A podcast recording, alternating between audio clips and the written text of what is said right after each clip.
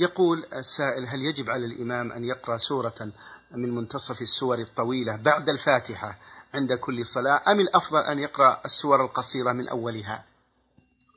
الأفضل أن يقرأ السور القصيرة ولتكن قراءته في المفصل من قاف إلى آخر سورة الناس ويكون قراءته في الفجر من طوال المفصل وفي المغرب من قصار المفصل وفي الباقي من أوساط المفصل.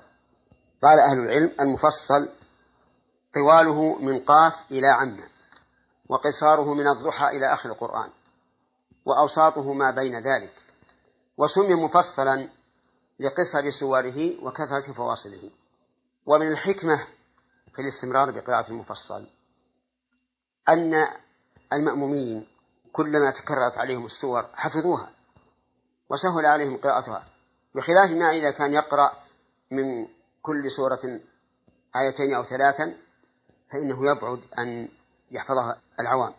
ثم إن ابن القيم رحمه الله قال في زاد المعاد ليس من هدي النبي صلى الله عليه وعلى آله وسلم يعني في الفريضة أنه يقرأ من أواسط السور وأظنه قال أو أواخرها. فلا ينبغي العدول عما ذكره أهل العلم واستدلوا له بالآثار النبوية. وأما كون بعض الناس لا يقرأ إلا من أواسط السور دائما فينبغي أن يراجع نفسه ويراجع ما قاله أهل العلم في هذا الباب. ثم إن في قراءة الإنسان من أوساط السور ولا سيما إذا كانت السورة طويلة تشويشا على المصلين الذين يحفظون القرآن. لأنه إذا قرأ من أوسط السور الطويلة سيبقى هذا متشوشا. هل سيقرأ إلى آخر السورة؟ هل سيقرأ آيتين أو ثلاثا؟ ثم يكون في نفسه نوع من الاضطراب.